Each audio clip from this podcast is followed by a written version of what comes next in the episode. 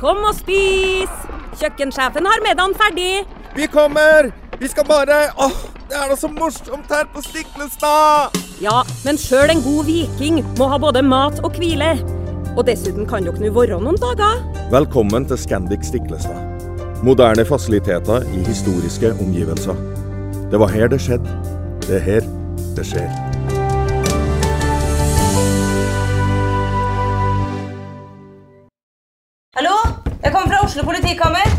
Ine Jansen er purk. Er du purk? The motherfucking bitch. Alt jeg vil, er å finne ut hva som skjedde med mannen min. Jon Carew. Er jeg sikta for noe? Iben Akeli. Det er du.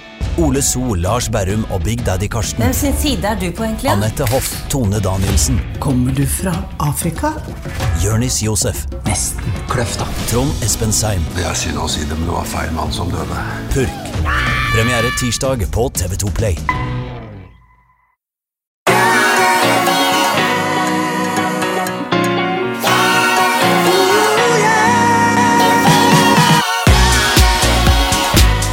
Til podkasten. Jeg heter Mats Kaggestad, og med meg har jeg Ole Petter eh, Gjelle. Velkommen, skal jeg si. Dette er en podkast vi har sammen, så eh, du kan egentlig like gjerne si velkommen til meg også, men eh, jeg syns i hvert fall det er hyggelig at vi kunne møtes og snakke om fysisk trening og eh, effekten det har på det primære, som jo er hodet, tross alt. Eh, Hvordan går det, Ole Petter? Du, det går fint. Jeg um, har jo jobbet i veldig mange år som, uh, som lege, og en av de tingene jeg um, brenner for, og som jeg synes har vært litt vanskelig å få inkorporert i legepraksisen min, det er jo hvordan vi ved hjelp av noen ganske enkle verktøy kan forebygge sykdom, bedre helsa. Eh, Vi snakker om at vi har et helsevesen i Norge. Jeg tenker vel egentlig mer at vi har et sykevesen.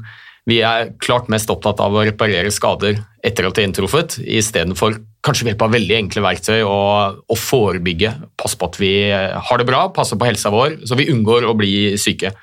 Så jeg er veldig glad for å kunne være med på denne podkasten. Ja, for jeg kjørte Jeg kom kjørende med barna mine fra Vikersund i dag, og så bare satt jeg og, og tenkte. Eh, og så har jeg veldig lyst til Jeg hadde veldig lyst til på en måte å få fram mer dette med fysisk aktivitet og effekten det har på, på bl.a. mentale, det inni oss, fordi at jeg kommer jo selv fra en idrettsfamilie.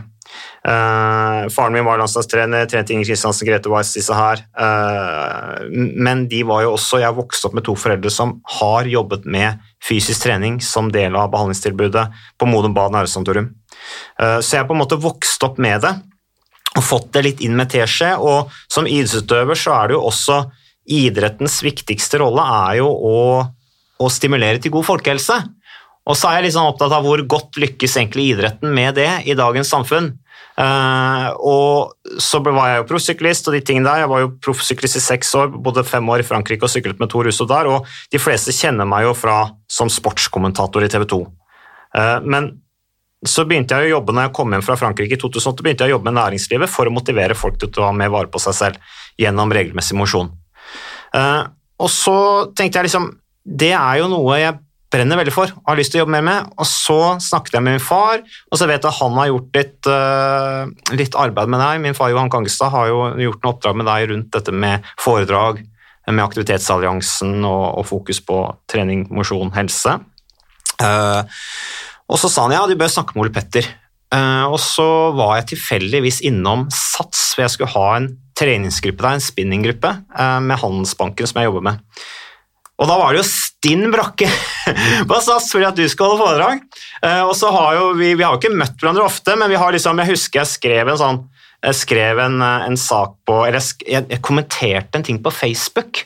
Det var et eller annet om uh, effekten av fysisk trening, og så var det vel en politiker, jeg tror det var, jeg husker ikke hvem det var, men så skrev jeg liksom litt sånn sarkastisk ja, for er det noe vi trenger, så er det enda mer forskning på effekten av uh, mosjon og fysisk aktivitet, og den trykka du like på. Jeg gjorde det. ja, Da tenkte jeg, da har vi på en måte kjemien, tenkte jeg.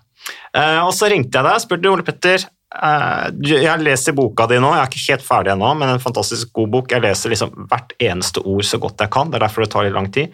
Og så ringte jeg deg, så du har lyst til å starte en podkast om fysisk trening. Og det sa du ja til med en gang, fordi Ole Petter, du er opptatt av, ikke sant? Og du er opptatt av folkehelse. Hvor, hvorfor det? Du, jeg, jeg er opptatt av folkehelse, og jeg tenker at uh, noe av det i Norge i dag, så er det Det er jo en stor idrettsbevegelse. Det er veldig mange som driver med idrett, og, og som trener veldig mye. Men så er det en litt sånn polaritet, og du spurte meg litt om dette med idretten. om de et av de viktigste målene der er å stimulere til folkehelse. Men eh, det jeg tror vi ser, er en ganske sånn polaritet. Veldig mange som driver aktivt og trener for å prestere. Men så er det den store gemene hop i, eh, i Norge er relativt inaktive. Altså Vi nordmenn liker jo å tro at vi er blant de mest aktive innbyggerne eller i, i Europa. Med Kvikk Lunsj, ikke sant? Ja, ja, en sånn kjernefamilie ute på tur en fin vinterdag. Og... Men når vi ser på objektive studier av nordmenns aktivitetsnivå, så ser vi at vi er jo nesten dårligst i klassen. Altså Det er bare innbyggerne i Belgia som beveger seg mindre enn en gjennomsnittsnordmann. Ja, en av der er jo sykling subsidiert. Ja, ikke sant? Så det er et stort paradoks her, og det er jo at uh, i dag så vet vi mer enn noensinne gjennom forskning hvor viktig fysisk aktivitet er for helsa vår. Det å ha et godt liv, livslengde, både fysisk og mentalt, så er det å bevege seg noe av det aller viktigste vi kan gjøre for helsa vår. Så vi, vi, vi vet mer om det enn noensinne. Allikevel så er 75% av nordmenn definert som inaktive. 75% ja. 75% og jeg pleier jo å si når jeg holder foredrag at hadde fysisk aktivitet vært en pille, så ville jo alle tatt den. Men allikevel så er det 75% som sliter med å komme seg i aktivitet. Og Det paradokset der jobber jo jeg veldig mye med. Altså, Hvorfor er det sånn? Ja, hvorfor er det sånn, da? Ja, jeg tror det er flere årsaker til det. En av de viktigste tingene er jo at vi har jo laget et samfunn som, som er bygget for inaktivitet. Altså, Vi trenger jo rett og slett ikke å bevege oss eh, lenger. Nei, med heis, ikke sant? rulletrapp, eh, fjernkontroller. Eh, jeg var hjemme hos mutter'n og fatter'n i Vikersund i helga. Der har de jo da en sånn der robotgressklipper som de kaller for Oscar. Før så tok jo fatter'n, som er folkehelsemann, han klippte jo plenen før med sånn der gammel håndklipper, med motor riktignok, men du måtte jo faktisk trille den, eller skyve den. Og han tok jo tiden han før, og var jo svett. Ja, ja. Nå mister han den muligheten, da. Ja, og Det er jo et veldig viktig poeng her. Altså, hvordan, hva slags samfunn har vi laget? Går du to generasjoner tilbake i tid i Norge, så var det jo ingen som var inaktive. Altså, det var rett og slett ikke mulig. Folk hadde fysisk aktive jobber og måtte bevege seg fra punkt A til punkt B på fritiden. I dag så sitter nesten alle stille bak en pult på jobben og på skolen. Vi, det er helt unaturlig for barn å ha en læringsarena hvor de sitter helt i ro og hører på voksne snakke. Så setter det litt på spissen. da. Gjennom vår revolusjon fra tidenes morgen så har jo barn alltid lært mens de er i aktivitet. Så det er jo en del trekk ved samfunnet vårt som gjør at eh, vi ikke lenger trenger å bevege oss. Bevegelse er ikke så nødvendig lenger. Og så har vi jo til og med Det er ikke bare det at det er et samfunn bygget for inaktivitet, vi har jo nesten gjort det litt sånn bevegelsesfiendtlig på mange måter. Mm. Vi bygger kjøpesentre som ligger langt unna der hvor folk bor, så du må kjøre bil for å komme deg dit. Så vi, vi bygger motorveier uh, istedenfor sykkelstier. Altså, det er liksom Samfunnsstrukturen vår da, gjør det veldig lett å være inaktiv. Så, Og så er det blitt veldig farlig å være ute òg. Man får i hvert fall det inntrykket blant veldig mange at det er sånn angstfylt forhold til å være ute i sånn vanlig bevegelse til og fra jobb, med konflikten mellom bil og fotgjenger og syklist og barn som må kjøres til skolen fordi at samfunnet er blitt så skummelt. da. ja, ja. Og, det, og jeg stiller meg et visst spørsmål er det egentlig så skummelt, eller er det bare noe vi tror at det er? Jeg tror ikke det er så veldig skummelt, men det som virkelig er skummelt, det er jo inaktivitet. Altså, vi vet jo det, at inaktivitet det er farligere enn å røyke. Altså, det dør én nordmann i timen hvert eneste døgn i Norge pga. inaktivitet. Altså sykdommer som oppstår pga. inaktivitet. Så inaktivitet er farlig. Men det er klart, man må jo ta folk på alvor når de er bekymra. Og, og det er noen sånne enkle greier. Jeg har f.eks. en venninne som bor på Beitostølen med veldig aktive barn. Og De bor tre kilometer fra skolen. Og De vil jo da sykle til skolen, men det er ikke noe sykkelsti. Ikke sant? Så de må sykle langs riksveien med livet som innsats. Og, og da velger man selvfølgelig en annen løsning. Ja, nei, det er, eh, det er eh, merkelig det der med eller også, Det er jo ganske logisk at vi eh, når vi ikke trenger å bevege oss, eh, og det finnes alle slags andre umulige alternativer til å bevege seg, så gjør vi det ikke fordi at vi det er et eller annet med oss som gjør at vi velger liksom minste motstands vei. Er ikke det noe oppi hodet vårt da, Ole Petter? Jo, så jeg sa jo det er jo det er noen flere årsaker til at det er så mange i Norge som er inaktive, til tross for at så godt som alle vet at det er viktig for helsa å bevege seg. Og Det ene er jo hvordan vi har strukturert samfunnet, men jeg snakker mye også om eh, den late hjernen vår. Mange kaller dette dørstokkmila, og det er jo det at de aller fleste vet at det er viktig å bevege seg, men det er litt vanskelig å komme seg ut, til tross for den kunnskapen man har. Og um, Hvis vi skrur tiden litt tilbake, da, så er det litt lettere kanskje å forstå dette med den late hjernen. Våre første forfedre, som levde som jegere og samlere på savannen, de var jo veldig fysisk aktive, men det var de fordi de måtte være det. De måtte løpe for å fange sin egen mat, de måtte flykte fra fiender. Mm. Altså, Hvis du ikke kunne løpe på savannen, så var dine dager talte. Da døde du av sult eller ble drept av en fiende eller et vilt dyr. Men når våre første forfedre hadde jaktet ned byttet sitt, spist det, så gikk de jo ikke ut og løp fire ganger fire intervall. Da, da lå de i ro og hvilte for å spare kalorier. For den viktigste årsaken til død på savannen, det var jo sult. Sånn at de hvilte helt til de måtte bevege seg igjen. Og så kan vi jo skru tiden fram til i dag. Og det som er saken er at Hjernen vår den er ikke nevneverdig oppdatert siden den gangen. Så du og jeg har samme hjerne som våre første forfedre i bunn, i bunn og grunn. Problemet med samfunnet i dag er jo at vi trenger ikke lenger å, å bevege oss. For vi kjøper maten på butikken, og den eneste naturlige fienden vi har, er kjøleskapet. Men hjernen er fortsatt lat. Så når folk kommer hjem fra jobb, studier, er slitne og tenker at ah, nå burde jeg gå ut og bevege meg, og så blir man sugd inn i sofakroken isteden, så er det jo ikke noe galt med hjernen. Altså, hjernen din gjør bare det den er programmert til å gjøre gjennom veldig mange år med evolusjon. Men Ole Petter, det er jo, det er jo en del eh, Nå er det jo mye Det er jo, liksom, det er jo mye bevissthet, til en viss grad bevissthet blant, uh, ute i samfunnet rundt dette med fysisk aktivitet. Uh, og alle vet jo at det er bra å mosjonere. Uh, men du sier her 75% cirka, da. Jeg sier at sånn ja, rundt, det er det tallet jeg bruker, og sånn rundt 70% av befolkningen er relativt inaktive. Da. At de er under det helsemyndighetene anbefaler.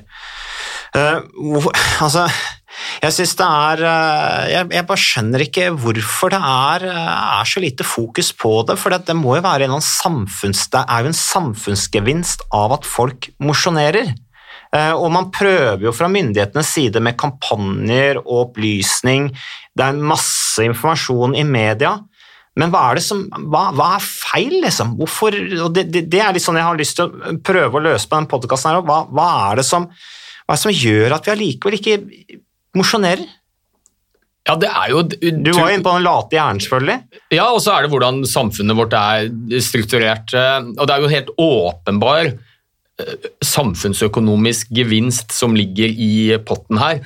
Eh, 75% av befolkningen oppfyller ikke myndighetenes anbefaling om fysisk aktivitet. For voksne så er det 150 minutter i uka. Ja, så sier folk ja, so what? Og så sier folk ja, er det så farlig, da? Ja, det er jo farlig. Jeg sa til deg, det er- én nordmann som dør i timen pga. inaktivitet. Og, og nå er vi jo inne i koronaperioden. Og jeg husker jo alle disse nettavisene som hadde disse bannerne hvor det sto 'nok en person død av koronavirus'. Og Det er jo forståelig at man fokuserer på det midt i en pandemi, men tenk om man hadde gjort det hver eneste dag hele året. hva? 24 nordmenn døde i dag pga. inaktivitet. Og mange pådrar seg jo kroniske, eh, langvarige sykdommer pga. inaktivitet. Hjerte- karsykdom, eh, diabetes type 2, for ikke å snakke om mentale lidelser også. Så det er jo en eh, åpenbar stor individuell gevinst for enkeltindividene i Norge ved å være i fysisk aktivitet. Og da har vi ikke engang begynt å snakke om de samfunnsøkonomiske gevinstene. Det var noen samfunnsøkonomer som gjorde en liten, et, regnestykke. da. Hvis alle nordmenn hadde beveget seg 150 minutter i uka, sånn som myndighetene anbefaler, så regnet de ut at vi ville røftlig spart 239 milliarder kroner hvert eneste år. Og så er det jo veldig mye kampanjer og det er mye snakk om fysisk aktivitet, og jeg tror kunnskapen i befolkningen er ganske stor. men jeg har jo veldig tro på at snakk alene hjelper ikke folk, eller kunnskap alene hjelper ikke folk opp av sofaen. Vi må prøve å hjelpe til, motivere, eh, gjøre terskelen for å komme seg ut litt lavere. Men du sier kunnskap alene ikke hjelper. Altså, jeg tenker på, For min egen del, da. Eh, Jeg, jeg, jeg trener litt nesten hver eneste dag. Eh, eller prøver å gjøre det. Og jeg er kanskje litt sånn trenings... Du kan kalle meg treningsnarkoman. Kall meg gjerne fanatiker, men jeg er jo ikke det, for jeg trener jo ikke så veldig mye lenger. Men jeg tror det har noe med at jeg alltid har vært mye bevegelse. Så jeg kjenner gevinsten. Altså Grunnen til at jeg drar ut og løper en søndag morgen selv om jeg er trøtt og sliten, eh, en 30-40-15 minutters tid, det er jo fordi at jeg vet hvordan jeg føler meg etterpå. Eh, Og jeg er klar over at det gir meg økt stayerevne, sånn at jeg har mer å gi til familien min, f.eks. Ja. Alternativet er jo å være trøtt og sliten hele dagen. Da skjer det jo ingenting. Også hvis jeg har vært på fest, og jeg har kanskje drukket litt mye. Jeg innrømmer at det har skjedd. Eh, Så har jeg også erfaring med at jeg allikevel kommer meg ut, og det er ganske tungt de første 15 minuttene. Jeg kan banke i huet og sånne ting. Men kommer, så løsner det underveis, og når jeg kommer inn igjen, så føler jeg meg mye bedre. Eh, Alternativet ville vært å gått rundt, hatt vondt i huet, tatt par... Ukas annonsør det er eh, HelloFresh. Og hvis du nå går inn på hellofresh.no og bruker koden 'fresh hjerne', så kan du få opptil 1779 kroner rabatt på da de fem første matkassene dine hvis du ikke har prøvd HelloFresh enda. Og Ole Petter, vi er jo glad i HelloFresh i podkasten Hjernesterk, eh, selvfølgelig fordi at de er en annonsør. De er med og bidrar til å spre det glade ordet om fysisk aktivitet og god helse. Men i tillegg så har jo vi også nå lang erfaring med HelloFresh Fresh selv. Så vi må jo si at det har vært gode erfaringer til nå. Ja, absolutt. Visste du, Mats, at HelloFresh det er faktisk verdens ledende matkasseleverandør? Og tilbudene til HelloFresh gjør det enkelt å lage gode og varierte retter som skaper matglede. Og matglede vet du, det er like viktig som hva du putter i munnen. Det å spise mat med folk du trives med. Så gjennom 25 nye og inspirerende retter hver uke så bidrar HelloFresh til dette. Du kan bestille ekstra porsjoner om du får gjester, eller hoppe over uke hvis du f.eks. skal bort. Og Det er ingen bindingstid, og du velger leveringstidspunkt og dag selv, så leverer HelloFresh matkassen din akkurat når det passer deg. Ikke dårlig, Mats. Nei, det er veldig bra. Så, øh, og dette er med enklere hverdag, det kan jeg nå skrive under på. For nå, forrige erfaring vi hadde forrige uke, Ole Petter, det syns jeg var Det var jo et gjennombrudd øh, for familien Kaggestad. For da lagde rett og slett barna De lagde middag og serverte middagen, så den var ferdig laget og servert da når eh, min kone Marita og meg kom hjem fra jobb. Og jeg mener, det var jo bare helt utrolig. Eh, Det var helt fantastisk. Det ble en nydelig middag. Riktignok, de, de, de, de roter og søler litt, det gjør de. Så, men, men maten ble veldig god. De var veldig stolte over å kunne ha både laget og servert maten, så det var helt fantastisk. Så vi har jo da i det siste så har vi eh, spist eh, bl.a. sitron- og dillstekt hyse med ovnsbakte grønnsaker og aioli. Eh, Vi har spist middelhavsinspirert kylling. Taco, så finnes det mange ulike typer taco. F.eks. vietnamesisk taco, som vi har spist. Thailandsk vegetargryte. Veldig riktig og sunt eh, i dagens eh, samfunn med, med fokus på bærekraft. Hvitløk og chilistekte reker i spagetti, det var definitivt en vinner. Så det er så flott. Du får rimelig mat ved at du kun betaler for det du trenger, så det blir ordentlig feststemning med Hello Fresh. Det gjør det, og nå er det bare for deg å gå inn på hellofresh.no og bruk koden FRESH gjerne. Da får du opptil 1779 kroner rabatt på de første fem matkassene dine, hvis du ikke allerede har prøvd HelloFresh.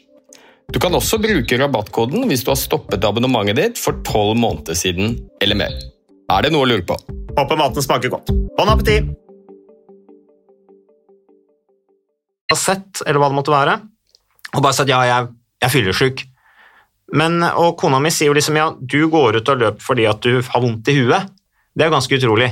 Men når jeg kommer inn igjen, så har jeg ikke vondt i huet. Men det er jo derfor jeg gjør det, fordi at jeg veit effekten det har treninga har på, på, på hodet og kropp og vondter og hva det måtte være. Så jeg tenker liksom, er det fordi at folk ikke er klar over på en måte hva som skjer? Altså, de, kjenner ikke signalene som treninga gir. De er ikke klar over de. Ja, det er nok et element i det, det også, men eh, jeg tenker fortsatt det er et stort paradoks for de aller fleste på et intuitivt plan eh, vet jo det at når man går ut og kommer seg i bevegelse, så føler man seg litt bedre. Både fysisk og mentalt. Men allikevel så er det mange som sliter med å komme seg ut. Så jeg tror jo vi må Vi må mer enn bare å, å, å snakke om gevinstene. Jeg jobber jo som lege, og, og, vi leger er jo veldig godt trent til å fortelle pasientene våre hvor viktig det er å være i fysisk aktivitet for helsa. Mm. Fysisk og mentalt. Men allikevel så er det veldig mange. De sitter på legekontoret, og vi ble enige sammen om et opplegg. De sier 'jeg har lyst til å begynne å bevege meg litt mer'. Kan du hjelpe meg, doktor? Og så lager vi sammen med pasientene da, et, et opplegg, kanskje bevege seg to ganger i uka. Og Så blir vi enige om det, og så møtes vi igjen tre måneder senere. Og jeg ble jo så overrasket over at i 80-90% av tilfellene så viste det at de hadde jo ikke klart å komme seg ut sånn som de sa de ønsket, og som de nok har et ja, inderlig ønske om å få til. De hadde rett og slett ikke klart det. Så vi eh, prøvde på legekontoret vårt, istedenfor bare å sitte og snakke om hvor viktig det er å bevege seg, mm. som jo de aller fleste vet, det var at vi startet en mosjonsgruppe. Så sa vi at vet du hva, vi kan trene med dere. Nå lager vi en avtale. Tre ganger i uka så kan du komme hit og så lager vi et enkelt treningsopplegg. Litt oppvarming, gå litt i motbakke, litt enkel styrke og koordinasjon og bevegelse. Eh, balanse. Og så kan du være med på det tre ganger i uka. Og da møtte de opp, vet du. Hmm. I hopetall. Så vi har jo fulgt opp en rekke pasienter i, eh, i fem år som tidligere var helt inaktive. Godt voksne, risikosone for å få en del sykdommer, og så begynte de å trene sammen med oss. Og det de sa, var jo at det, det var det som skulle til for å overvinne den dørstokkmila, eller den late hjernen. Ha en avtale, bli fulgt opp. Det hjalp på motivasjonen. Og når de hadde holdt på en stund, noen måneder, så ble jo dette en vane.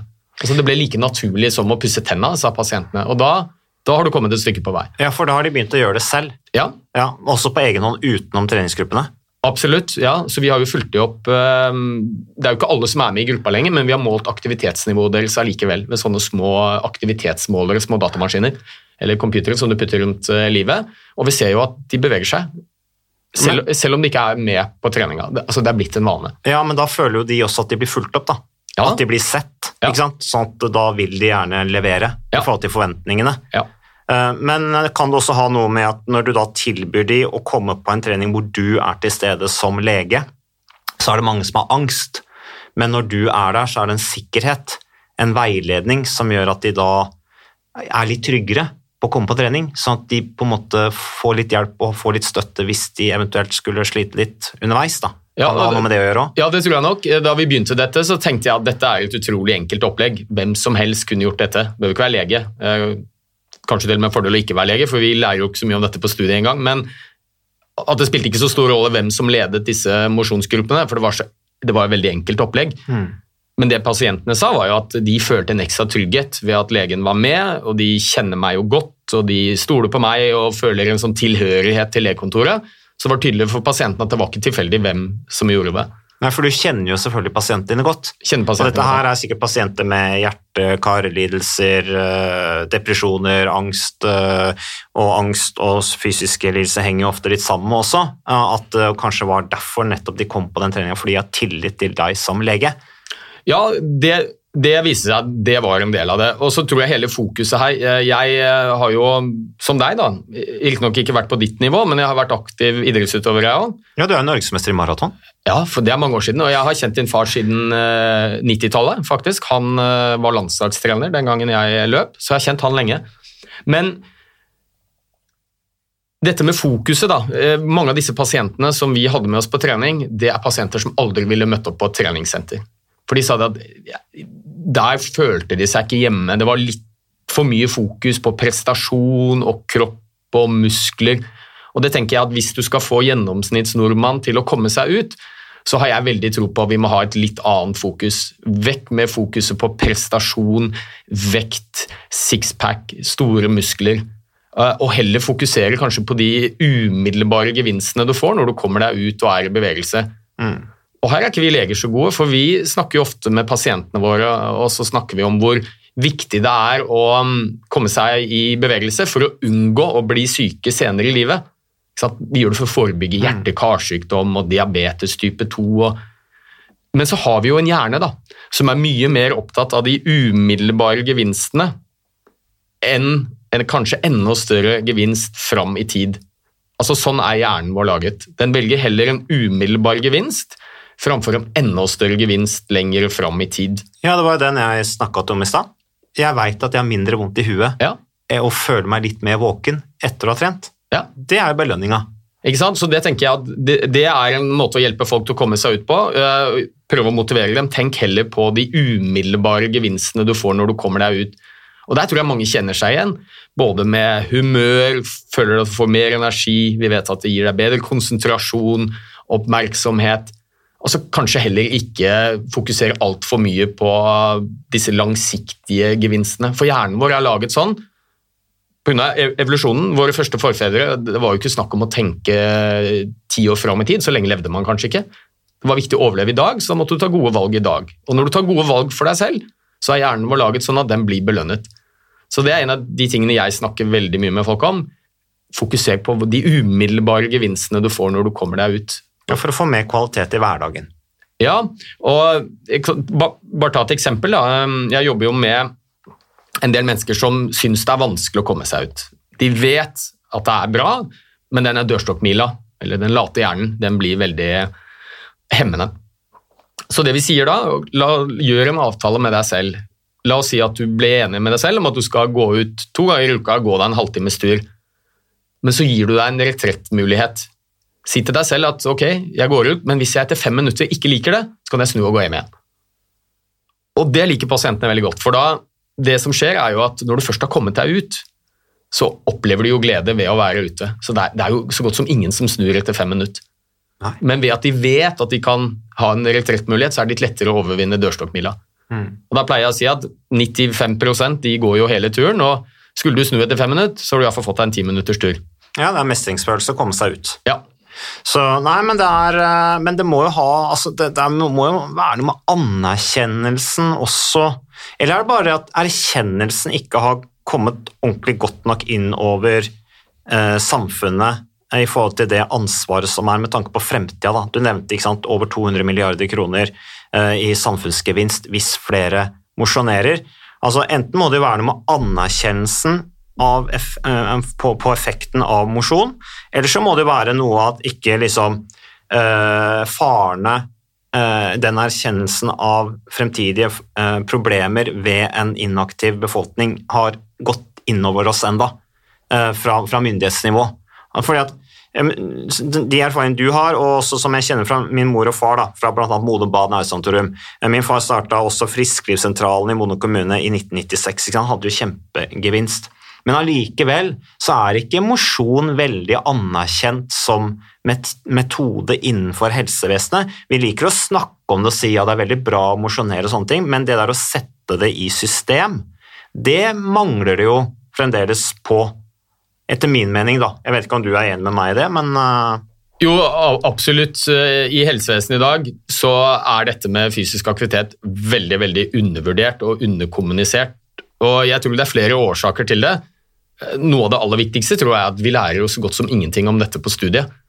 Da jeg studerte medisin på 90-tallet, så tror jeg jeg hadde noe sånn som 140 timer i løpet av seks år om farmakologi. Sånn læring om legemidler. Jeg hadde null timer om fysisk aktivitet som medisin.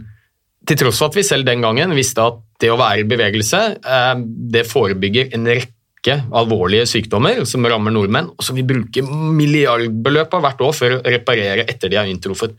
Kunne relativt enkelt ha forebygget det. Så, så det er det ene. Vi lærer for lite om det. Vi legene har ikke det verktøyet i verktøykassa vår. Vi, men har det endret seg, Ole Petter? marginalt. Det er en ball som har begynt å rulle, men det går veldig langsomt. Så jeg vet at eh, i Oslo så har de nå klart å få inn noe sånt som 45 minutter om fysisk aktivitet som medisin i løpet av seks år. Så det er jo fortsatt en del å gå på. I Trondheim har de nok fått inn litt mer, jeg, og jeg ser det at den yngre garde leger som kommer nå, de er blitt mye mer opptatt av det å, å forebygge Det enkle verktøy. Og, og da vet vi at fysisk aktivitet, både for å forebygge sykdom, men faktisk også som behandling. Vi vet jo at uh, det å være i bevegelse, mosjonere regelmessig, det er vel så effektivt som de beste legemidlene vi har, f.eks. mot lett til moderat depresjon. Så det er veldig underkommunisert. Og så er, tror jeg det er én ting til som jeg snakker en del om, og det er jo at det er, ingen bransje som står, eller industri da, som står bak og dytter fysisk aktivitet fram som et reelt verktøy i helsevesenet for å forebygge og for å behandle sykdom.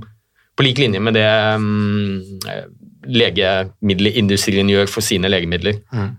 Så jeg har jo jobbet som fastlege i veldig mange år, og hver eneste uke så har jeg besøk av representanter fra legemiddelindustrien som kommer til meg i lunsjen min for å fortelle meg om de nye legemidlene som er utviklet.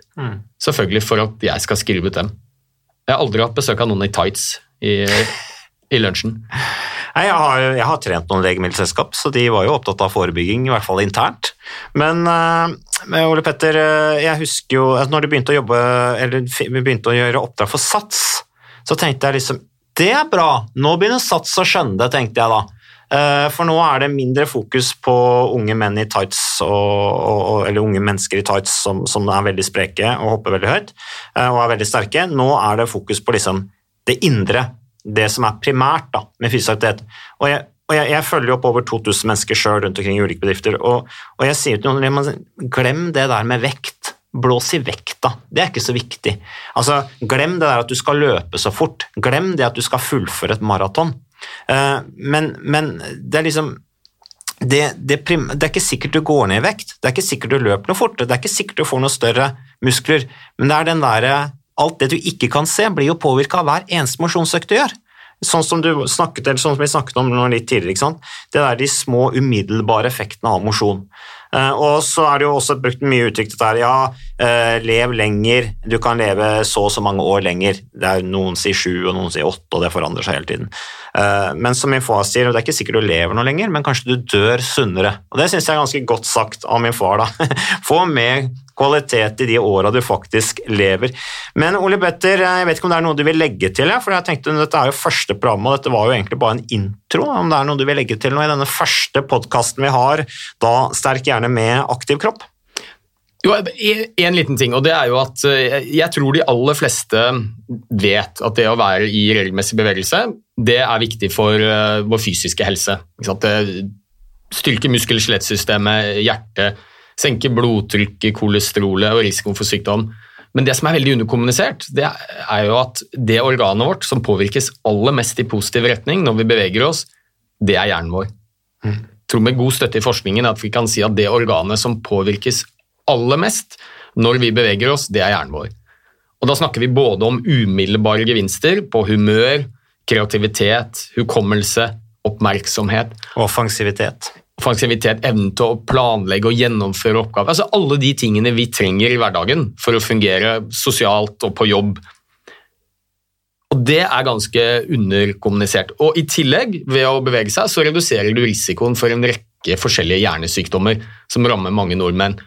Type hjerneslag, demens, depresjon, angst. Så, så det er noe av det jeg ønsker å få fram. At eh, det er ikke bare kroppen som styrkes når du beveger deg. Det, som Bent Høie pleier å si, det som er bra for kroppen, er bra for toppen. Det er en hjernen- sammenheng der. Veldig. Og Det tenkte jeg vi kunne prate om også. Det, hvor, hvorfor har det skillet oppstått, eh, og når kom det? Eh, Men vi kan ikke ta alt på en gang, Ole Petter. Eh, Så dette er en ny podkast, som sagt, og du kan gå inn og kommentere, like, dele, abonnere, selvfølgelig. Og så kommer vi også etter hvert nå til å opprette vi har opprettet en, en eh, sosiale mediekonto på Twitter og Instagram, og etter hvert så gjør vi det også på Facebook, hvor dere kan sende inn spørsmål eh, og temaer som dere ønsker å eh, belyse. Takk for nå, Ole Petter. Ja, takk skal du ha, Mats.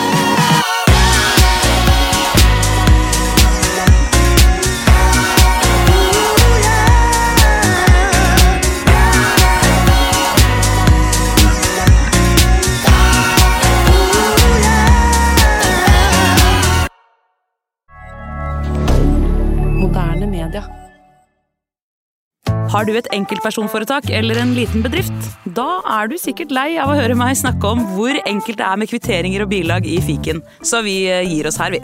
Fordi vi liker enkelt. Fiken superenkelt regnskap.